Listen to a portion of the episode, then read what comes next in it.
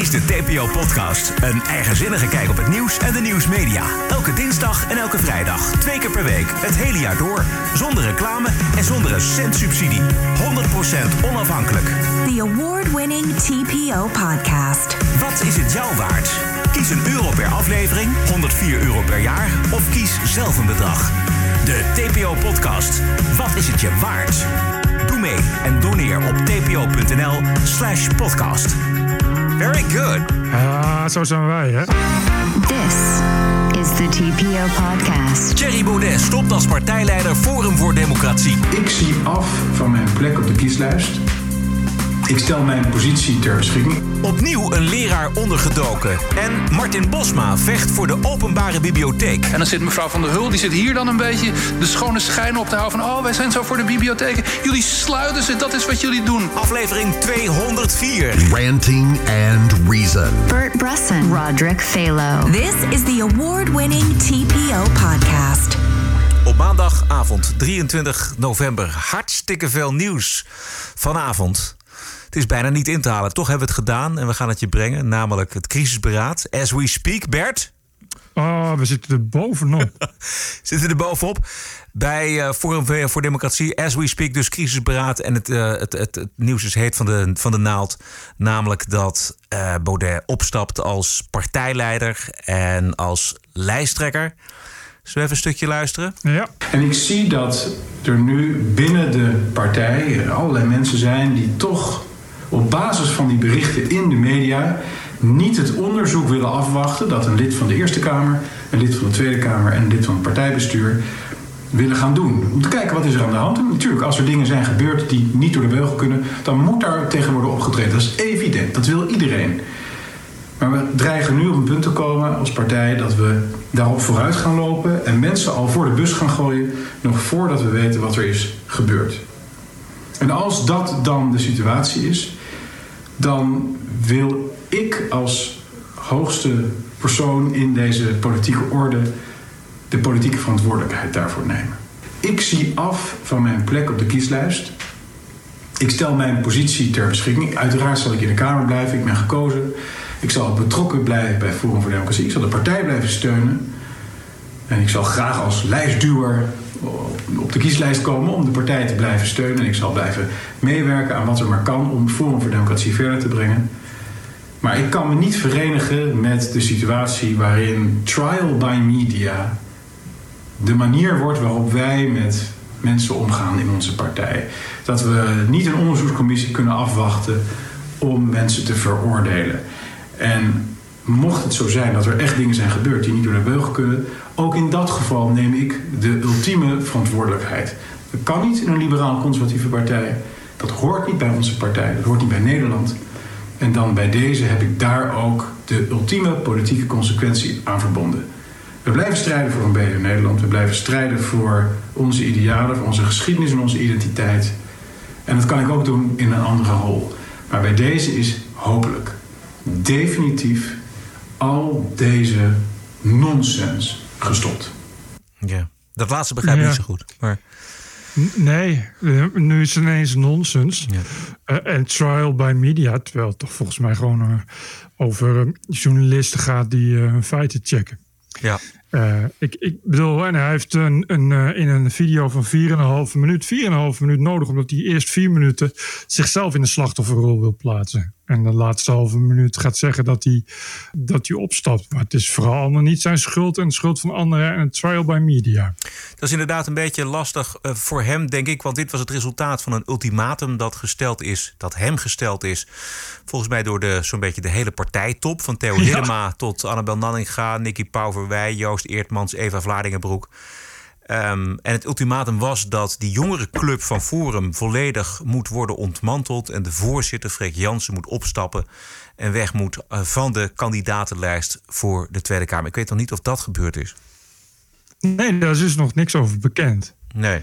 Het enige wat er nu gebeurt is dat, dat, dat Thierry eh, zich, zich terugtrekt als partijleider. Maar eh, we weten dus nog helemaal niets over Freek Jansen. Nee. Want die staat op nummer 7. Maar dat was het idee. Dat Thierry pas weg zou gaan als Freek Jansen zou gaan. Of het was in elk geval dat uh, als Freek Jansen valt, dan sleurt hij Thierry mee. Dus ik begrijp gewoon niet uh, waarom we nu niks horen over Freek Jansen. Nou, omdat dat, ja, Baudet. Nou ja, omdat Freek Jansen natuurlijk uh, minder belangrijk is. Ik bedoel, dit is nogal wat als de partijleider opstapt. En ik denk dat het nu gewoon een kwestie van automatisme is. Want als Baudet niet meer de leiding van die partij heeft, dan is het lot van Freek Jansen ook bezegeld. Want dan komt er namelijk een nieuw bestuur of een nieuwe partijleider. En die zegt gewoon, die voert gewoon uit dat wat er in dat ultimatum staat. Namelijk, uh, Jansen moet, moet opzouten. Ja, dat lijkt mij ook. Het lijkt mij dat er echt nul toekomst is nu verder voor uh, Freek Jansen. Dat denk ik ook. Dat lijkt mij, dat lijkt mij uh, precies wat hier gebeurt. Ja. Uh, Baudet ondertussen, ja, hij blijft gewoon in de, in de Kamer en hij houdt zijn zetel. Dus hij kan zichzelf straks ook weer op een hoge plaats verkiesbaar laten stellen. Of worden gekozen door voorkeurstemmen. Precies. En dat is een goede dat jij, wat jij zegt inderdaad. Want dat zou, zo nog, dat zou hem zo nog maar naar die eerste plek kunnen brengen, of niet? Ja, exact. Je kan wel zeggen van ik ga terug als partijleider, treed terug als partijleider. Dat kan. Uh, maar dat stelt in wezen weinig anders voor dan zeggen ik treed me terug als partijleider. Alhoewel dat in het geval van uh, FVD en Baudet eigenlijk natuurlijk wel uh, betekent dat dat het eigenlijk het einde is van de FVD as we know it. Ja. Omdat het natuurlijk gewoon partij Baudet was. Uh, dus als er nu iemand anders komt, dan wordt het de toon die door die persoon wordt gezet. En dat kan dus uh, uh, van alles zijn. Maar voor hem betekent dat hij zichzelf ja, opnieuw verkiesbaar kan stellen. En dus met voldoende voorkeurszetels kan hij alsnog heel hoog eindigen. Dus we zijn nog niet van hem af. Nee, nee, precies.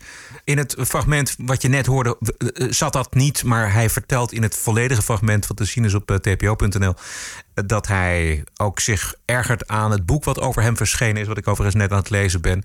Ja, het zou ik me ook aan ergeren als het zo'n boek over mij verscheen, maar dat maakt het niet minder waar. Nee, dat maakt het niet minder waar.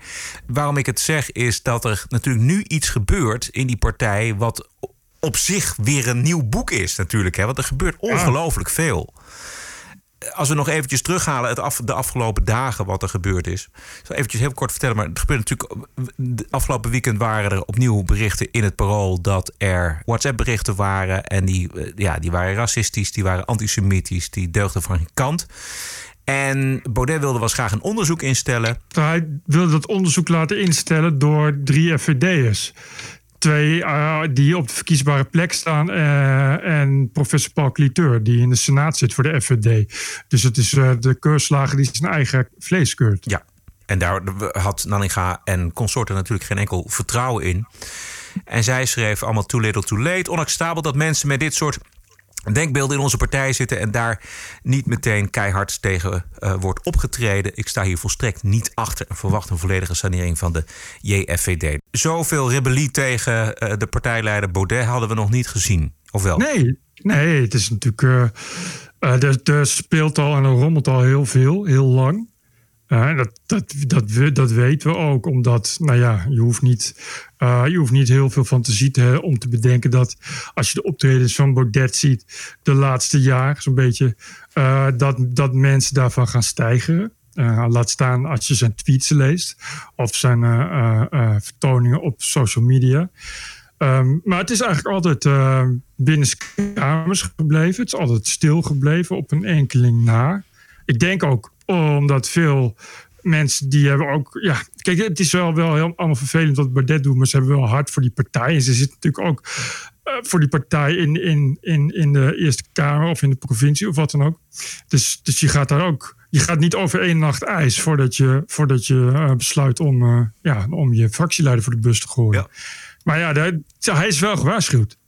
Dat is niet ja. de eerste keer dat, dat, dat die mensen zeggen: we beginnen het een beetje zat te worden. Het is ook niet de eerste keer dat uh, die, die jongere tak zo uh, uh, voor het licht komt. Ja. Het is niet de eerste keer dat er gezeik is. Het is niet de eerste keer dat, dat Baudet moet worden aangesproken. Ja, dit houdt een keer op, eigenlijk. Is het raar dat hij het zover heeft laten komen?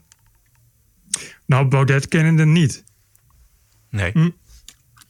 Sterker nog, ik vind het raar dat hij of raar, ik vind het nog raar dat hij nu, dat hij nu stopt als partijleider. Uh, ik had verwacht dat hij gewoon tot het bitter einde zou blijven.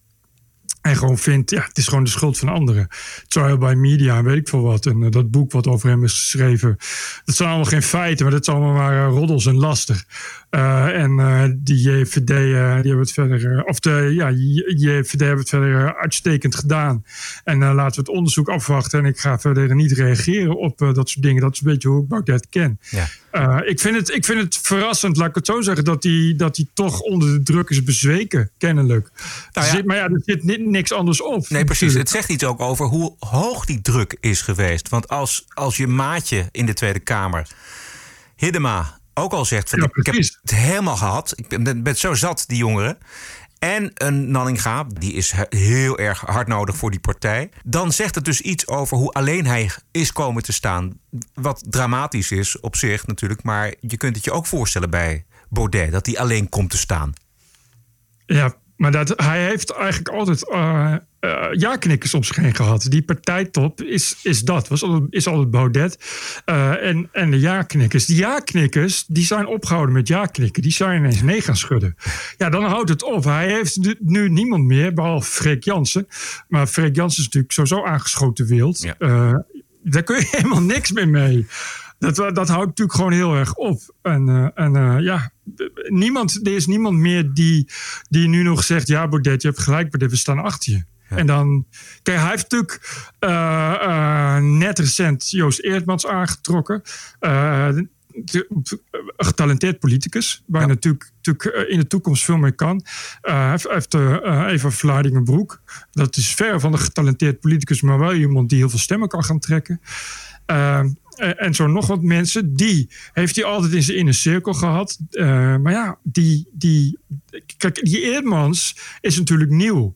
En dat is nou niet iemand die automatisch ja gaat knikken. Dus die zal hier meteen ook hebben gezegd: nee, ga, ik ga er niet in mee. Ook is natuurlijk, Bert, als je dit laat doormodderen. Dit gaat natuurlijk sowieso, die, die ellende daar in die, in die jongerenbeweging. Als je dat laat doormodderen dan, dan haalt dat sowieso die partij helemaal uh, naar beneden. Dat gaat natuurlijk helemaal niet, dat loopt helemaal niet goed af. En dat voelde, no, Hiddema voelde dat, het voelde uh, Annabel voelde dat, het voelde iedereen. Weet je wel, als, je, als we dit niet killen, deze gasten, het schoon schip ja. maken, dan, dan gaan we zelf ook ten onder. En waarom zou je dat ja, willen? Ja. Exact, maar dat hele bestuur van, van het JVD, inclusief Freek Jansen, is natuurlijk door en door rot als een, als, als een neten. Daar, daar, je kan, als je, als je niets doet, dan, dan krijg je binnenkort elke dag krijg je uh, gelekte screenshots van ja. WhatsApp. Ja. Vol met, met, met, met antisemitische drek en racisme en, en een hele en half verkapte natiegrap en, en weet ik veel wat. Het, je, het is, het is een enorm radicaal, een, een enorm radicalisme binnen, binnen die, die jongere tak. Ja. En dat is enorm problematisch. En dat haal je er niet meer uit, tenzij je daar gewoon helemaal mee stopt. En ja, daar, daar zit dus niks anders op. Precies. Even ter illustratie van om wat voor teksten het gaat. In kranten verschenen een aantal uh, teksten vanuit die WhatsApp-groep. Het nationaal socialisme is de beste economische formule ooit. En uh, Nederland moet weer 35% blank met 0% moslims worden. En Joden hebben internationale pedonetwerken en helpen vrouwen massaal in de pornografie. Dat, dat, dat is, daar is niks cynisch of ironisch meer aan. Dat is gewoon uh, onversneden nee, antisemitisch. En dat is, die, die, die jongere partij heeft vanaf het begin als een magneet gewerkt voor dit soort uh, treurige mensen die vast in de meerderheid zijn. Exact. Maar gewoon, die komen daarop af en die, en die verzieken die hele partij natuurlijk. Ja, ja, die zitten ook hoog in het bestuur. Weet je? Ja. Dat, kijk, dat, dat, dat hele. Uh, het, het, punt is natuurlijk dat. Uh, ik heb nooit, en jij ook niet, en, uh, en, en eigenlijk alle goede mensen niet nooit gezegd van. God, dat FVD is het nieuwe nazisme en zo. Dat is gewoon nergens te vinden. Maar dat, bij die jongere FVD. Ja, het is natuurlijk geen, geen Tweede Kamerpartij. Het is natuurlijk ook deels een, een gezelligheidsvereniging. ja, die natuurlijk omdat het FVD is, een bepaald type mensen aantrekt. En als ze dan uh, 19 of 20 zijn, of 21, en op een gezellig sportweekend in de Ardennen gaan. ja. met uh, de bijgaande riddersymboliek en uh, weet ik veel wat. Ja, dan moet je uitgerekend bij de jongere tak van de FVD zijn. Om, om natuurlijk dat soort dingen, je, dat, dat, dat aanschurken tegen, tegen, tegen, tegen die, die, die, die- wat is die Taylor en, en, en dat Ja. Erkenbrand en al dat soort shit. Tuurlijk komt dat, komt dat op, op, op, eh, op eh, de FVD af, op de jongerentak. Waar, waar moeten ze anders heen? De PVV heeft geen jongeren PVV. En hadden ze die wel, dan waren ze allemaal pro-Israël. Dus daar gaan ze ook niet heen. Tuurlijk kom je dit soort, dit soort, ja, dit soort ijzer-bedevaart-types komen, komen uiteindelijk hier terecht. Ja, precies. En dat moet je dan meteen radicaal zuiveren. En je moet daar zicht op houden. Dat is nooit gebeurd. Exact. Omdat dus die Freek Jansen de, de rechterhand is van Baudet en omgekeerd. Ja, en Baudet vond het blijkbaar ook niet zo belangrijk om dat aan te pakken. Ehm, en die snijdt ongelooflijk in zijn eigen vingers natuurlijk. Want dit heeft hij eh, zelf ook niet eh, gewild, denk ik.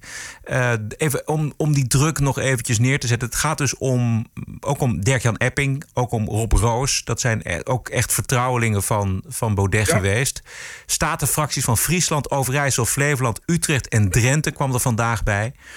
Ik vond zelf dat toen ging het pas echt goed realiseren. De, de tweet van uh, uh, Annabel Nanninga natuurlijk. Maar ook daarna die van haar collega raadslid Kevin Kreuger.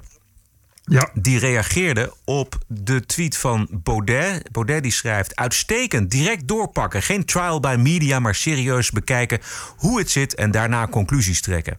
En toen werd door het Amsterdamse raadslid Kevin Kreuger... Uh, deze uitspraak geretweet met... niks uitstekend, niks direct doorpakken. De conclusies liggen er al. Gewoon keihard aanpakken, opdoeken en mensen royeren.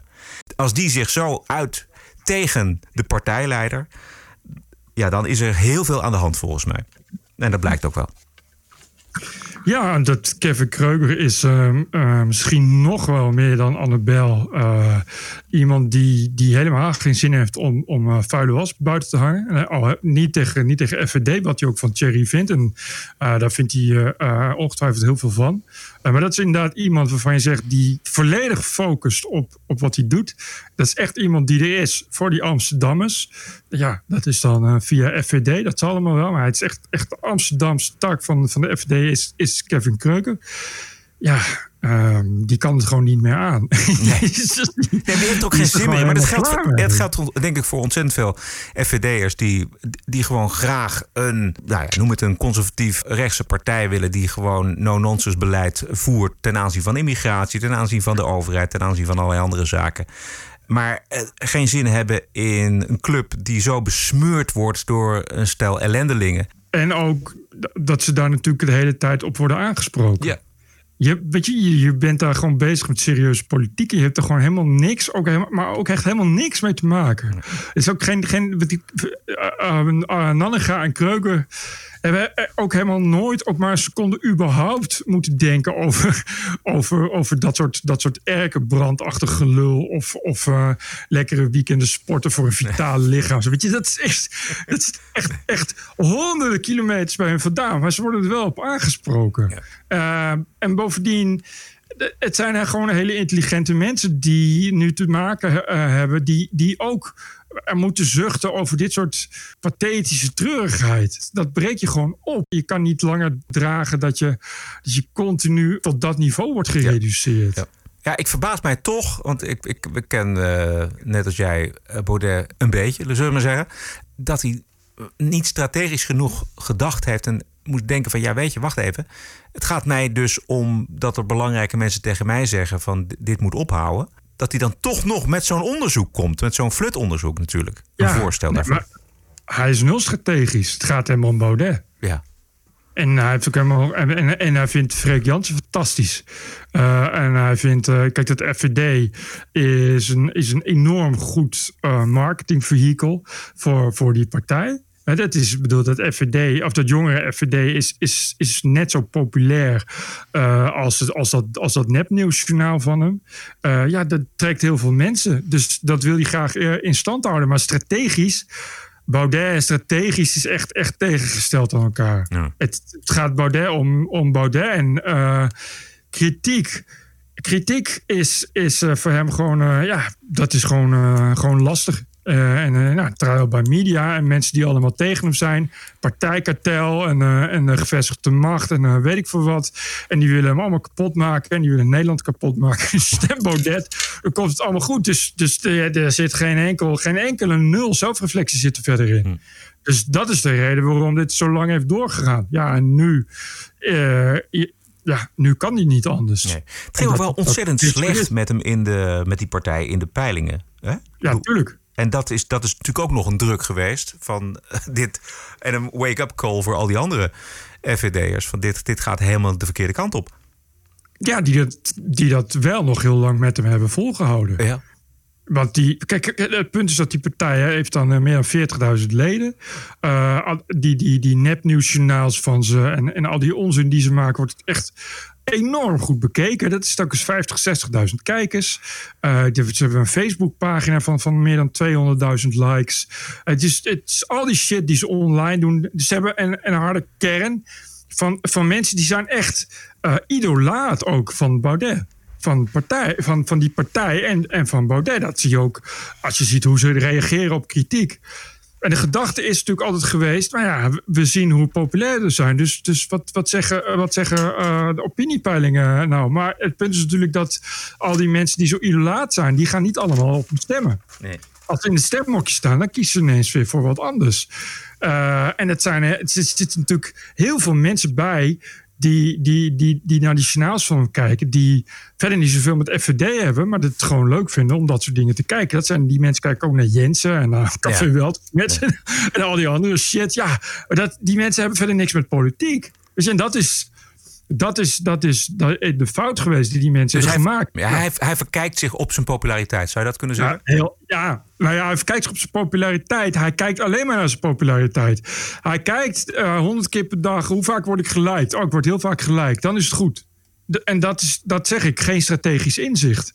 Uh, en en die, die mensen daaromheen, waarvan een gedeelte natuurlijk ook net bij is, die hebben heel veel vertrouwen in hem. Dus die denken ook dat het goed komt. Ja, daar gaat nu nu is dat wel een beetje, begint het natuurlijk een beetje te wringen. Want ook omdat die mensen nu uh, uh, op, zo hoog op die lijst staan. Je, die, die mensen als Vladingenbroek en Eerdmans, dat zijn natuurlijk mensen die uh, graag in de Kamer willen, graag verkozen willen worden. En zich daar dus nu ook actief mee gaan bemoeien. En voorheen was het niet zo. Het was natuurlijk alleen Theo Hiddema al die tijd. En Hiddema is iemand die die vindt het allemaal wel best. Ja. Weet je, die zegt, jongen, jongen je doet maar. Ik, uh, ik, ik doe vandaag weer mijn, uh, mijn lollige speech. Of ik zit bij, uh, straks weer bij Harry Mens, weet ik veel wat. voor de rest bemoei ik me er niet zo, niet zo mee. Dus het was natuurlijk altijd een one-man show van, van, van Baudet, die, die nu ineens is afgelopen, omdat die mensen daarbij zijn getrokken. Ja, en ik denk niet dat iemand als Eerdmans, daar ontbreekt het niet aan strategisch inzicht, zal ik maar zeggen. Nee, nee zeker niet. Zullen we eens kijken wie de opvolger van Baudet wordt? Is dat Eerdmans? Ja. Ja, ik weet niet uh, hoe opvolger als wat. Als in, uh, want, want op zich, uh, Thierry houdt zijn zetel. Dus, dus er verdwijnt toch geen zetel? Nee, dat, is, dat klopt. Maar hij, er zal een partijleider, een nummer één op die lijst moeten komen. Wat Baudet niet wordt. Dus iemand moet op die eerste plaats staan. En is dat Hiddema of is dat Eerdmans? Nee, helemaal niet, denk ik. Dat denk ik ook ik, niet. Ik, ik, kan me dat niet voorstellen, zeker nu niet meer. Nee. Uh, en helemaal is volgens mij ook, in, ook altijd iemand geweest die het allemaal prima vindt, zolang die niet, niet op één staat. Dat, dat, lijkt me ook niet. Die is daar ook wel een beetje te oud voor. En uh, ik denk niet dat hij daar de zin in heeft. Uh, ja, dat, dat is dus de vraag. Uh, misschien, ik, ik, misschien Eerdmans, als hij dat wil. Ik weet niet wat. Wie, wie, wie, zijn er nog meer beschikbaar voor zo'n politiek zware baan, media zware baan? Want je moet, de verkiezingen komen eraan, dus je moet overal verschijnen. Eerdmans kan dat als geen ander volgens mij. Die is heel goed, ook verbaal heel goed. Je, ik wou net zeggen, als, als ik zou mogen kiezen, zou ik voor Eerdmans kiezen. Maar ik weet niet, wie, wie staan er nog meer? Laten we zeggen de top, uh, top, uh, top 6 of de top 5. Ja. Nou, er is niet zoveel keus. Even Vlaardingenbroek nee. is absoluut te jong en te onervaren? Nee, ja, ik denk, ik denk dat het, ook, ook niet kiezen. Ik denk dat het Eertmans wordt. Dat, dat is in elk geval de meest verstandige keuze. Want natuurlijk niks zegt. En dat is natuurlijk bij elke partij zo. Uh, ik bedoel, laten we het hebben over GroenLinks. Ja. ja weet je waarom het ook... Nee, precies. Maar weet, waarom het misschien ook een hele goede kandidaat is? Omdat hij van buiten die ellende komt. Hij is iemand die al die ellende niet heeft meegemaakt. Dus hij kan zich ook een beetje binnen die partij profileren als de neutrale.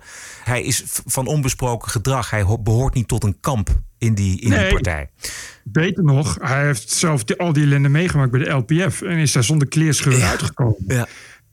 Ja, nee, en hij, dat is, dit is echt iemand. Eerdmans is iemand die uh, um, zowel inderdaad dit, dit soort partijgeneuzel, intern geneuzel heeft overleefd. Als, als echt jarenlang geleerd heeft ook om, om de politieke straatvechtersmentaliteit te beheersen. Omdat hij natuurlijk uh, echt jarenlang uit de hoek komt waar de hardste klappen vallen. Ja. Natuurlijk van, van begin af aan iemand die ook is uitgescholden voor fascist en bruin hebt en weet ik veel wat. Uh, en dat altijd, dat is echt daar is toch wel uh, Eerdmans koningin.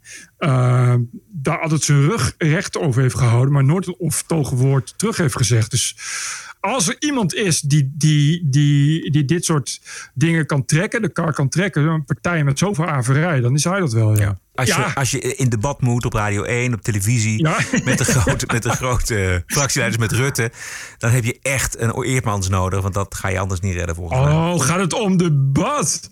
Nee, zeg dat dan. Ja, dan, dan, nee, dan. Nee, precies. Nee, precies. Maar wat wel interessant is, is natuurlijk wat, uh, hoe die partij uh, zich gaat reorganiseren. Want met het vertrek van Baudet als partijleider valt er natuurlijk een enorm gat, een machtsvacuum is er. Dus die, die hele partij ja, moet, moet ontzettend gaan, gaan hergroeperen. Wie maakt waar de dienst uit? Ja, kijk, Baudet was die partij. Ja. Uh, en dus, dus als je Baudet niet meer als lijsttrekker hebt, dan, dan, dan is, is alles voetzie. Die moet je weer vanaf de grond af aan opnieuw opbouwen. En dat, zo kort op de verkiezingen, is natuurlijk best wel problematisch. Ja, het is wel historisch wat hier gebeurt. Ja, toch? Ja. Dit is wel uh, de nacht van Baudet. Ja, zo. dit is het zeker, ja. This is the TPO podcast. Dan de kandidatenlijst van GroenLinks. Daar staat op nummer 9 Kautar Bouchalik. Vandaag eindelijk uh, na twee weken gedoe interview in Trouw. Daar neemt zij afstand van het gedachtegoed van Mili en van het moslimbroederschap. Twee uh, aarsconservatieve um, uh, islamitische organisaties. Uh, twee organisaties waar zij van alles mee te maken had als vicevoorzitter van de koepelorganisatie Femiso. Ja, het, het, duurde wel een beetje lang hè, voordat het interview kwam. En het vond ook een, een klein interview. Het was allemaal heel erg ja. minimaal. Het was, het was snel voorbij. Uh, zij zegt daarin dat Femiso een legitieme organisatie is. Ik sta zelf voor radicale gelijkwaardigheid. Het maakt mij niet uit wat iemands gender, seksuele geaardheid of kleur is. Ik heb zelf ook nooit iets gemerkt van enige verbondenheid met het moslimbroederschap, zegt zij in dat interview. Ik wil ook niets te maken hebben met dat gedachtegoed. Oh ja, het gaat natuurlijk om dat uh, de terreurdeskundige Ronald Sandé Femiso dit voorjaar in een hoorzitting in de Kamer expliciet als jeugdorganisatie van de moslimbroederschap had benoemd. En ook Duitse inlichtingendiensten leggen dit verband. Ik denk dat wij uh, Kautar moeten gaan beoordelen op wat zij in de Kamer gaat doen. Want uh, volgens mij gaat ze er niet meer af van die, van die plek. Uh, wat denk jij? Nou, dat lijkt er niet op. Misschien dat, ja, je weet niet wat er nog meer boven water komt. Nee. Uh, maar het lijkt er niet op dat, uh, dat, uh, dat zie je. Nee, de afgaan is, is, is te veel van het goede. Of, te, of er moet nog wat boven water komen. Maar volgens mij is alles wel zo'n beetje boven water. Het probleem is natuurlijk dat het allemaal er tegenaan schurkt, maar niet helemaal is. Ja. je kan wel, kijk, dat haar vader. Uh, medeoprichter is van de moslimbroederschap in Nederland. Ja, dat zegt natuurlijk niks over haar. Weet je? Dus, dus uh, je, en, en, en, je, en dat zij bij deze organisatie zit, uh, ja, het is moeilijk om dat hard te maken. Dat, natuurlijk is daar invloed vanaf die moslimbroederschap, zijn er innige banden. Ja. Wat ik nog wel, ja. Ja, wat ik nog ja. raar vond, was dat zij dat interview in Trouw vandaag twitterde met de mededeling dat uh, zij ontroerd is dat ze door meer dan 100 organisaties in Nederland gesteund is.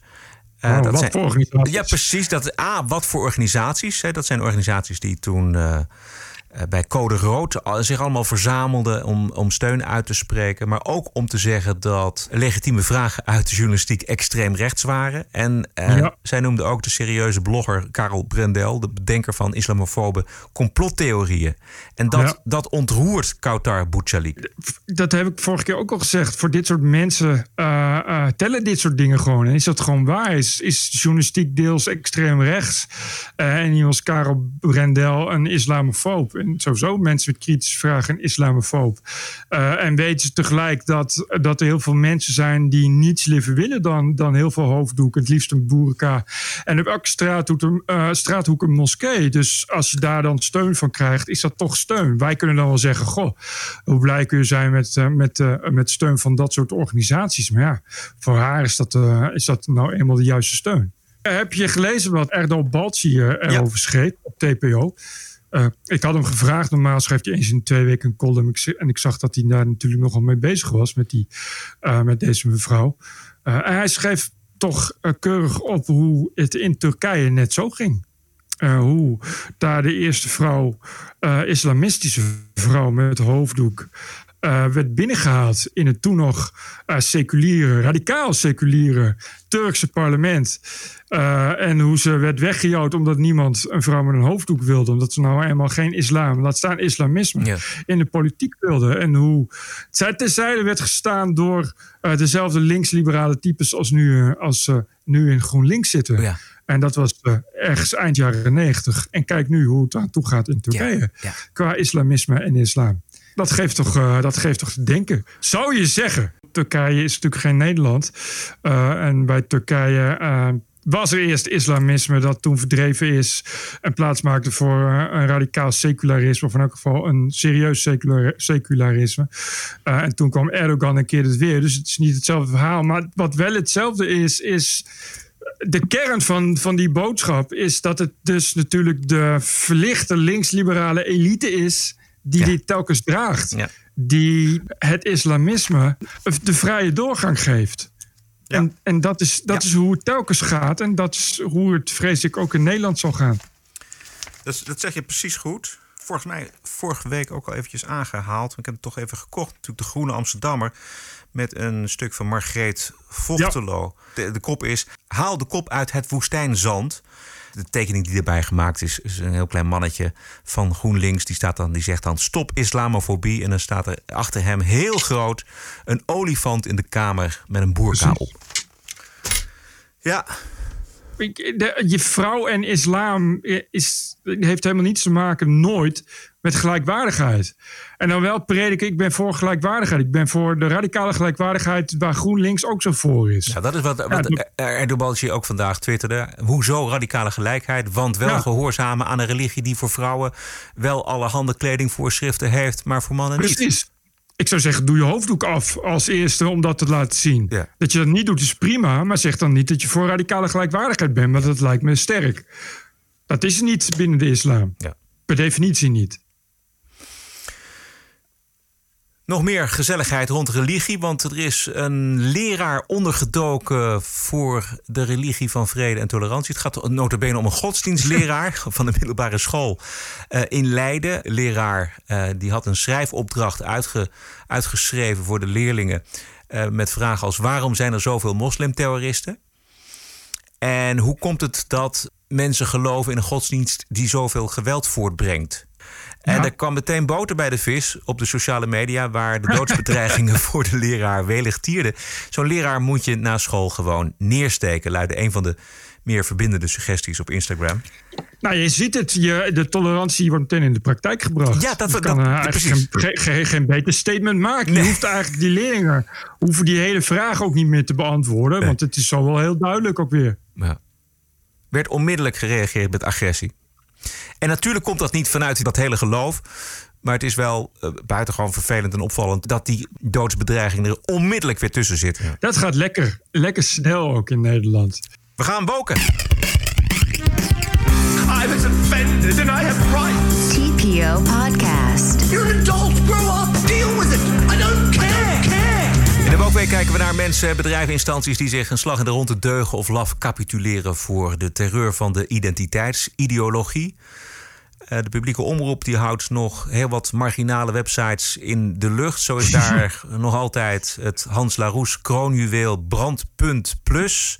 Oh, Eh, Daarop het stageverslag van stagiaire Lunia van Wunnik... met de titel Ik verdiepte mij in mijn witte privilege en dit, dit is wat ik leerde. Lunia las twee boeken, waaronder de Woke Bijbel How to be an Anti-Racist van Ibram Kendi. En daar gaat het eigenlijk al meteen mis. Eh, want eh, de kern van dat boek van Candy is: je bent of een antiracist of je bent een racist. Neutrale houdingen bestaan niet. Het is oh, één van de twee. En als je een antiracist bent, dan moet je dat ook bewijzen. Door altijd een activistische houding aan te nemen. Ja. En de Brandpunt Plus stagiair lukt dat niet. Zij schrijft eh, in het stuk op de website. Door het lezen van How to be an Anti-Racist kreeg ik het gevoel dat je je constant activistisch moet opstellen, omdat het anders niet goed genoeg is. Ik ben super druk met mijn studie journalistiek, baantje in de boekenwinkel en mijn studentenvereniging. Hoe graag ik het ook wil, dit maakt het bijna onmogelijk om constant activistisch te zijn. Persoonlijk denk ik dat je moet kijken wat voor je jezelf qua tijd en energie haalbaar is. Dat is dus voor iedereen verschillend. Ik ga de komende tijd op zoek naar een gezonde balans voor mezelf om te kijken hoe ik op mijn eigen manier wat kan bijdragen. Maar dat betekent, Bert, dat Lunia part-time antiracist, maar ook part-time racist is. Ik wou net zeggen. Foute racist. Dit, zo werkt het natuurlijk niet. Kunnen niet eh, en het leuke met het, eh, met het noodzakelijk combineren. Dan, eh, je bent, of je bent een antiracist of je bent een racist. Dus moet Lunia nu maar gewoon door het leven als racist. Ja, de part-time racist bij de brandpunt. Ja, ja, ja, ja. Dit, eh, dit, dit is echt geen, eh, geen ruimte voor nuances. Dit is totaal niet de bedoeling. Zeker ook niet bij Brandpunt Plus. Nee. Eh, wat toch de, het hoogtepunt van, van Woke Nederland is, zal ik maar zeggen. In elk geval online, gesubsidieerd. Ja. Ik vond het mooi dat dus iemand met heel veel enthousiasme dit leest en zich op zo'n boek stort en dan onmiddellijk natuurlijk tegen het ideologische probleem aanloopt. Ik vind het wel lekker, lekker millenniaal ook. Dat je dan ook meteen denkt, oh, dan moet ik dingen opgeven die leuk zijn. Ja, nee, dan niet. Ja. Stel je voor, weet je, wel- wel, eh, maar dat is echt wat ze wil. Kennelijk wel echt ook antiracist zijn. Dat is dan heel belangrijk. Ja. Eh, maar dan, eh, ik heb en een baantje in de boekenwinkel en ik doe een studie en ik heb een studentenvereniging. Ja, nou ja, dat klopt. Maar ja, dan zul je toch echt moeten kiezen. Ja, maar hoe, moet je, hoe zou je dat in zo'n in boekwinkel, hoe zou je je daar dan moeten opstellen? Weet je wel? Stel dat het een boekwinkel is die ook bijvoorbeeld eh, kranten verkoopt. Dus dan komt er iemand, een, wit, een witte man, komt er dan met de telegraaf en die wil dat afrekenen. En dan moet je dus, ja, moet je je toch antiracistisch gaan opstellen. Dus dan moet je zeggen, nou, dan, zou je niet het boek van Candy erbij lezen? Of gewoon ook dat je zegt van... eh, nee, ik, ik, eh, ik verkoop geen telegraaf. Stop spreading hate. Je kan beter een trouw kopen. Of een volkskrant. En natuurlijk regelmatig boekverbrandingen. Telkens als de nieuwe lading Jip en Jannekes binnenkomt... dan Ja. hoppakee, zo de oven in. Ja. Oh, dat, is, eh, Ja. dat is de activistische opstelling in je boekhandel. Maar dit is natuurlijk... die staat natuurlijk gewoon... seksistische dingen van Mulis te verkopen. Hè, een beetje, een beetje schijnheilig doen alsof er niks aan de hand is. Met, eh met, eh met Mulis en eh, de andere grote twee. Ja, dat, zo kan ik het ook wel. Een beetje antiracistisch zijn part-time. Ho, ho. Dit was deel 1 van haar verslag. Kijken hoe ver, hoe ver ze komt. Ja, lees dat ook allemaal. Ja, natuurlijk, zo leuk. Benijd je niet. andere blanke diversiteitsgoeroe, Robin DiAngelo, auteur van de megaseller White Fragility en ook voorstander van radicale gelijkheid, ontving voor een spreekbeurt op de Universiteit van Wisconsin 70% meer dan een vrouwelijke zwarte auteur met een spreekbeurt op diezelfde middag. Het waren dus twee dames die op het jaarlijkse Diversity Forum waren uitgenodigd. En ze werden allebei in de onderhandelingen bijgestaan door hetzelfde sprekersbureau. Maar die Angelo die ontving dus 12.750 dollar voor een middagje, voor een spreekbeurt. Terwijl Austin Brown, dus die zwarte spreekster, 7.500 kreeg. Ah, netjes. Dat is mooie gelijkheid. Dus ja, in haar eigen woorden zou dit dus ongelijk, oneerlijk, racistisch, kapitalistisch zijn. Ja, inderdaad. eh, wel, die, die, ja, dit is, Ja, maar ja, het weet is allemaal zo hypocriet als ik weet niet. Want je weet natuurlijk, dit, gaat natuurlijk, dit is helemaal in opdracht van haar. Want zij geeft natuurlijk dat sprekersbureau de opdracht het onderste uit de kant te halen voor haar. En ze is Ja, waanzinnig populair onder de woke Amerikanen. En eh, zij trekt gewoon het onderste uit de kan. En dat een zwarte collega van haar eh 70% minder krijgt, dat zal haar een worst zijn. Ze zal haar geld toch wel eh, weggeven en zo? Ja, echt, Nee, nee, nee, eh, nee, ze zal toch gewoon eh, heel principieel een klein flatje gaan eh, wonen. Ja, dat weet en ik een niet. tweede, tweedehands auto rijden en zo. Of, eh, ja, die mensen hebben toch principes? Oh nee, wacht. Oh nee, wacht, wacht, wacht. TPO Podcast. Gaan waarderen en doneren. Geen advertenties, geen subsidie. TPO Podcast is een onafhankelijk geluid. En welke waarde dit geluid voor u heeft, dat kan een euro zijn, dat kan 20 euro zijn, dat kan 100 euro zijn. Misschien wel 500 euro. Twee keer per week. Wat is het u waard? Waarderen en doneren kan op tpo.nl slash podcast. Donaties, toelichten, commentaar. Ons e-mailadres is info.tpo.nl. Ik heb eh, Jeroen Alexander van Arkel voor je. Mhm.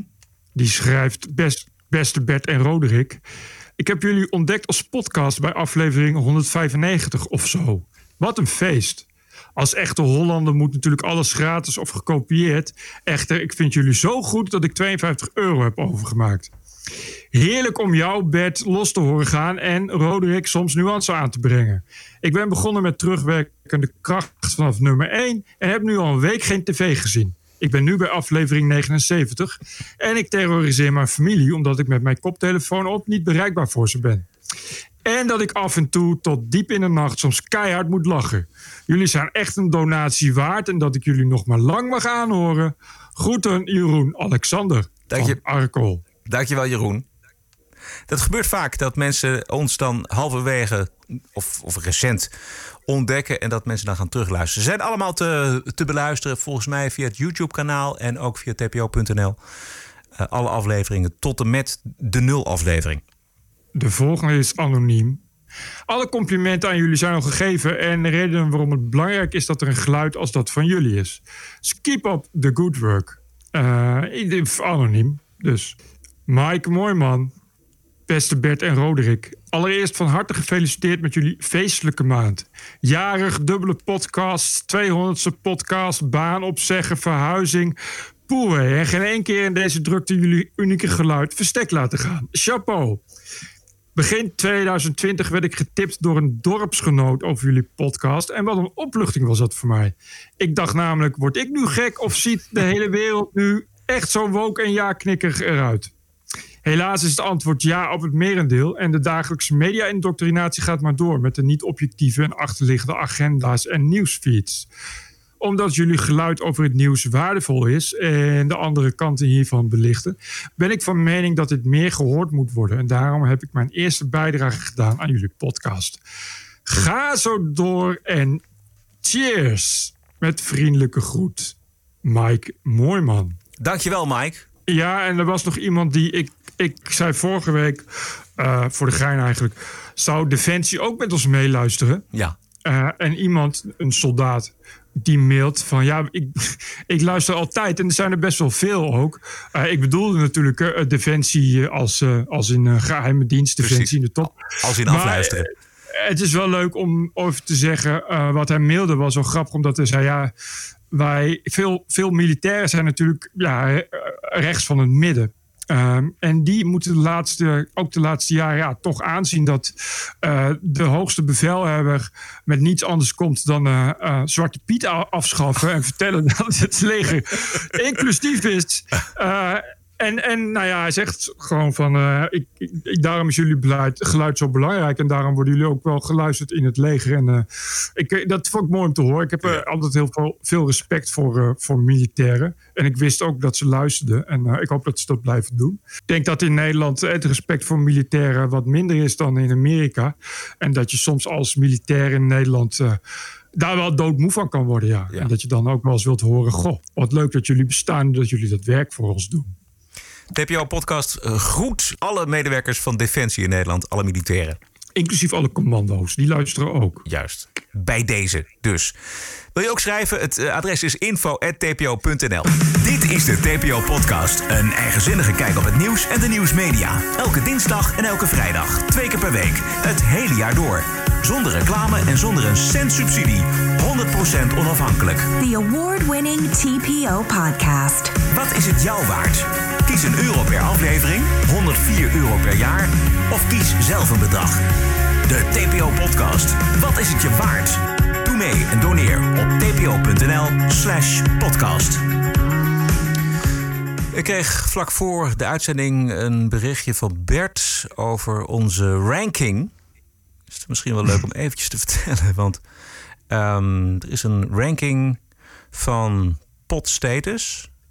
En wij staan op nummer 17 in de categorie nieuws. En dat vind ik... Eh, ja, Nederland. in Nederland? In Nederland, ja. Ja. Dus, maar het, het grappige is dat we ook in Indonesië, in Mauritanië... of Mauritius, sorry, moet ik zeggen... en in België goed worden beluisterd. En om even de ranking aan te geven... in Nederland staan we dus op nummer 17 in de categorie nieuws. Eh, in de categorie alle podcasts staan we op nummer 91. In Indonesië staan we op 31. In Mauritius op 45. En in België op 156. Dat kan beter. In, in België zijn we dus helemaal niet zo, eh, niet zo heel eh, groot. Nee. Dat moet Maar anders, wel dus toch? heel groot in, in Indonesië. En, en, en, Mau- en Mauritius. Ja, zullen dat, eh, of dat zijn eh, misschien eh, expats en rijke bejaarden. Ja. Alhoewel Indonesië natuurlijk ook veel mensen Nederlands spreken. precies. En Maar waarom dan 156 in België? Dat weet ik ook niet. Nee, nee. Dat, nou ja, we, gaan, we hebben het natuurlijk alleen om voor Nederlands nieuws. Dus waarom zouden Belgen daar dan weer in geïnteresseerd in zijn? Ja, we weten dat we ook in New York worden beluisterd en dat we in Hongkong worden beluisterd. maar wij vinden het ontzettend leuk. We vinden het gewoon een heel leuk idee dat er in heel de wereld geluisterd wordt. Dus eh, mocht u zich in Indonesië bevinden of in Mauritius of in België, laat ons eventjes weten waarom er geluisterd wordt en eh, wat u ervan vindt. info@tpo.nl. TPO Wereldomroep. This is us. This is our country. This is CNN breaking news. I believe that the president is literally an existential threat. Stop the hammering out there. Who's got a hammer? Make America great again. New York Times and CNN have also smeared veterans like myself. This video was taken during a heated exchange with an unidentified man who called Cuomo Fredo. Stop the hammering. This is the TPO podcast.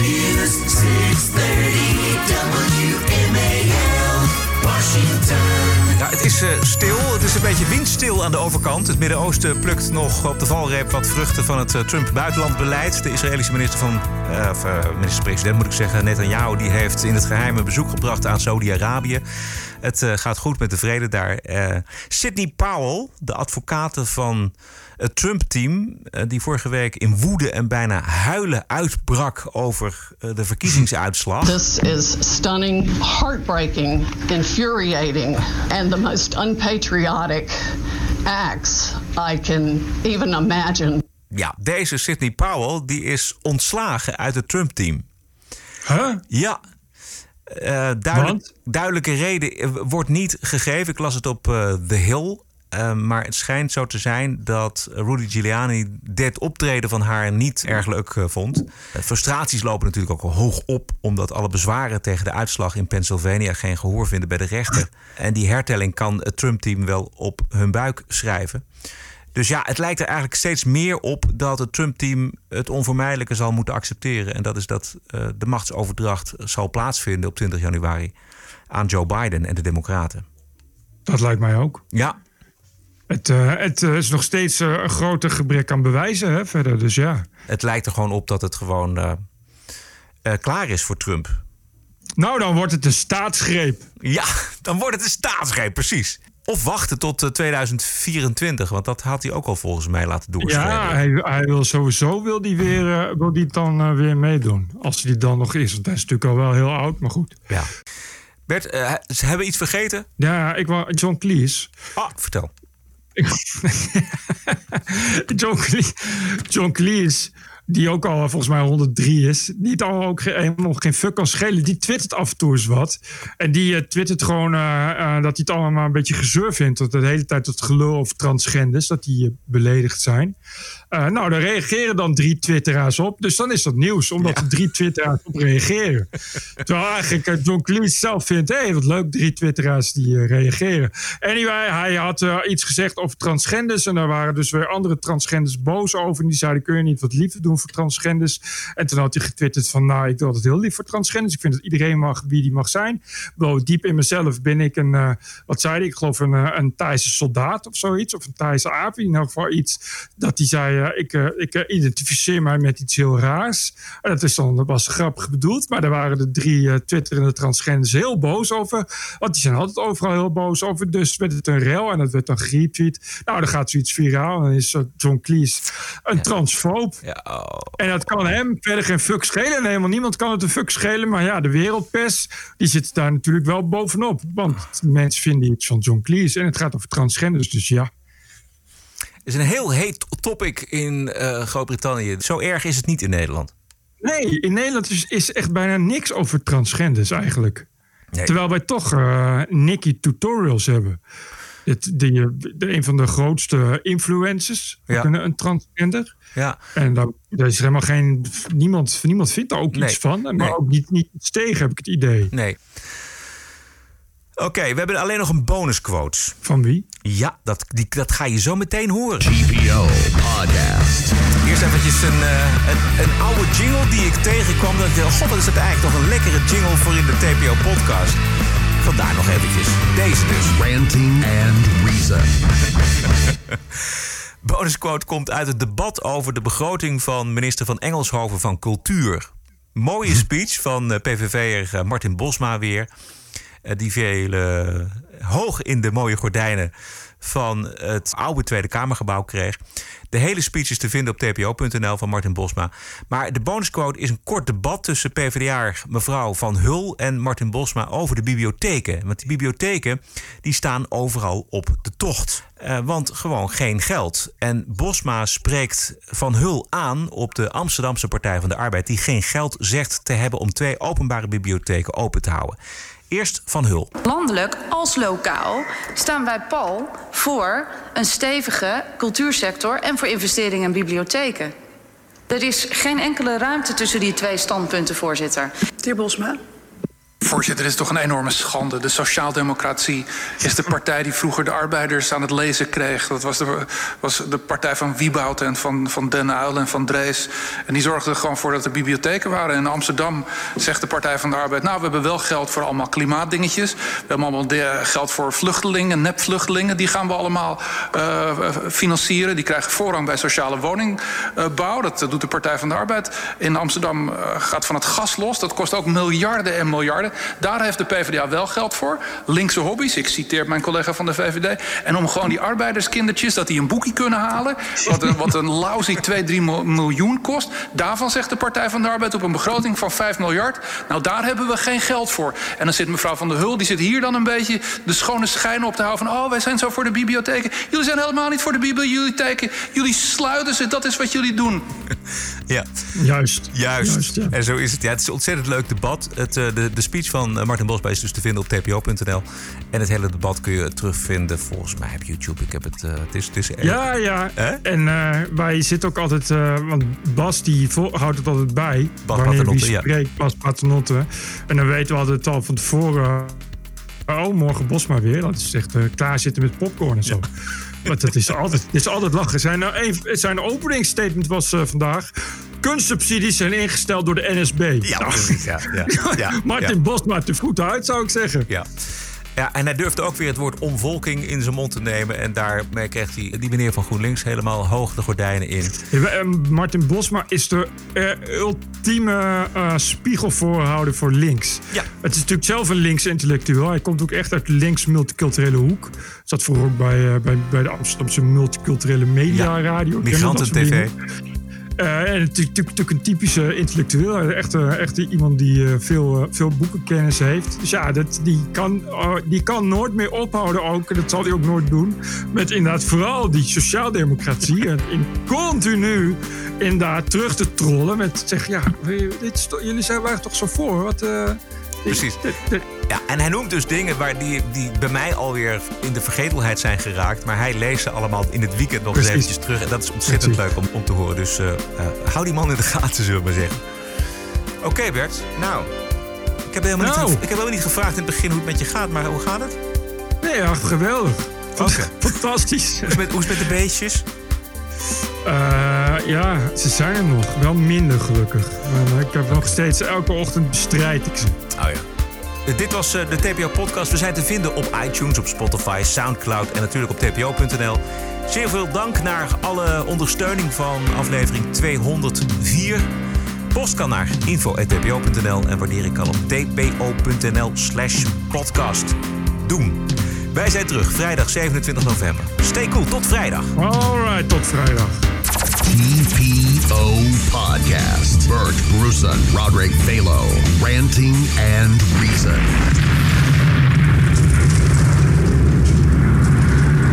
Ik verzoek de luisteraars dan ook om wanneer ze straks hun legersteden opzoeken, even rustig te gaan slapen als ze dat ook andere nachten doen.